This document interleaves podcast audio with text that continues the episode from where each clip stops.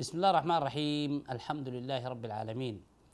الإخوة الكرام لكم التحايا العاطرات. لا نزال في هذا التسلسل من هذه القضايا الملحة والحرجة والتي نستقرئ فيها آيات كتاب الله سبحانه وتعالى. لعلنا نصل إلى نصل إلى نتيجة يمكن أن تغير في هذا الواقع المذري الذي تتخبط فيه أمتنا الإسلامية.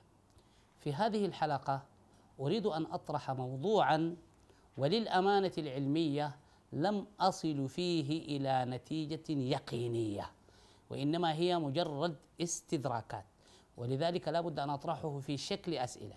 بمعنى أن, أن هذا الموضوع قابل للبحث ويستحق تلاقح الأفكار ووجهات النظر.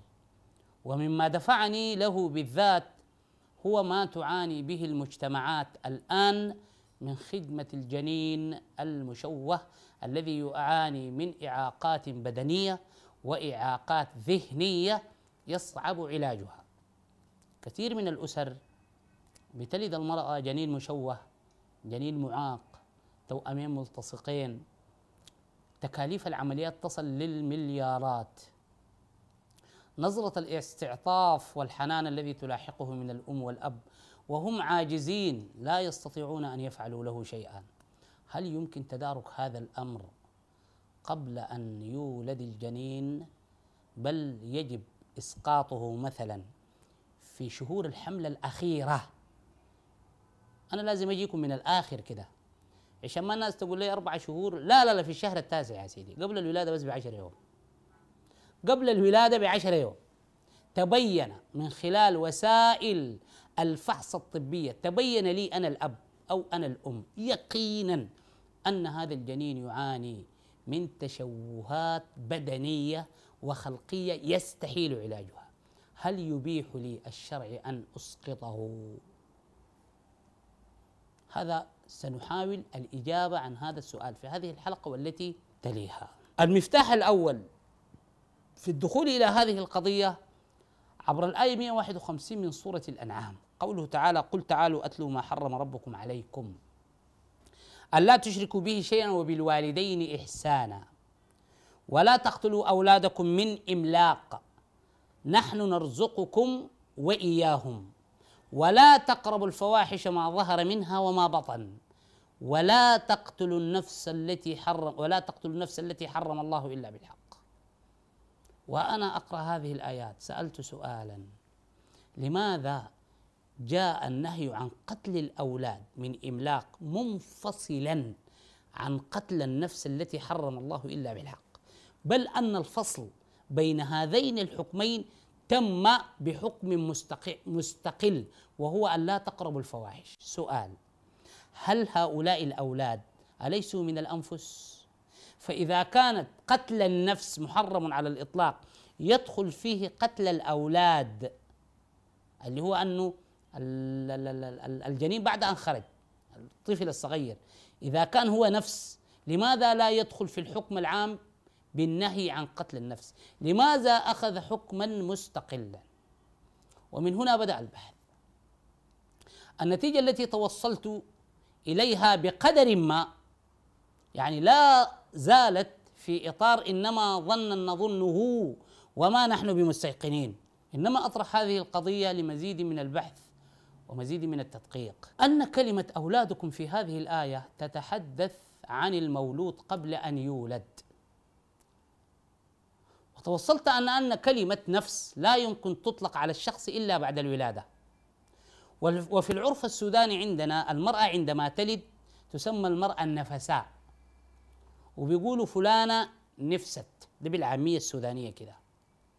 وقرأت قوله تعالى والليل إذا عسعس والصبح إذا تنفس. أي بدأ ضياؤه يخرج. إذا معنا ومنها التنفس في الشهيق والزفير. لماذا نسميه بالنفس؟ لأنه هو ما يخرج من الأعماق. فالشخص لا يسمى نفس إلا بعد أن يخرج من بطن الأم. يا دوب يأخذ شنو؟ حكم النفس. أما وأنه داخل بطن الأم لا يمكن أن يسمى نفس.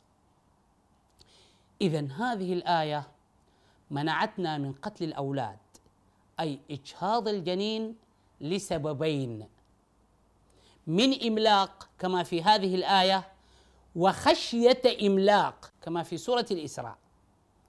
في هذه الآية قال ولا تقتلوا أولادكم من إملاق بمعنى أن الإملاق قد وقع على الاسره وفي سورة الإسراء قال لا تقتلوا أولادكم خشية إملاق. اذا اي أنت أنت أيها أنت أيها المؤمن ممنوع بقتل الولد خشية الإملاق مخافة أن يقع عليك الإملاق مستقبلا أو إن كنت واقع في الإملاق. ولكن نجد أن الآية سكتت عن أسباب أخرى فجعلتها تقديرية. ماذا يعني تقديرية؟ إذا أردت أن تسقط الجنين باعتبار أن عدد الأولاد سيزيد وبالتالي سيرهق كاهلك بالمنصرفات خشية أملاق فهذا حرام. وإذا كنت تعاني من الفقر والإملاق ولا تريد عبئا آخر وبالتالي تريد أن تسقط هذا الجنين أو هذا الولد فهذا حرام. أما إن كان هنالك سبب آخر أمر آخر لم يأمرك به الله سبحانه وتعالى ولم يمنعك منه وإنما ترك هذا الأمر للتقدير. اذا أنا أريد أن أسقط هذا الجنين ليس من إملاق ولا خشية إملاق وإنما رحمة به. رحمة به لأنه لا يستطيع أن يقيم أمر حياته.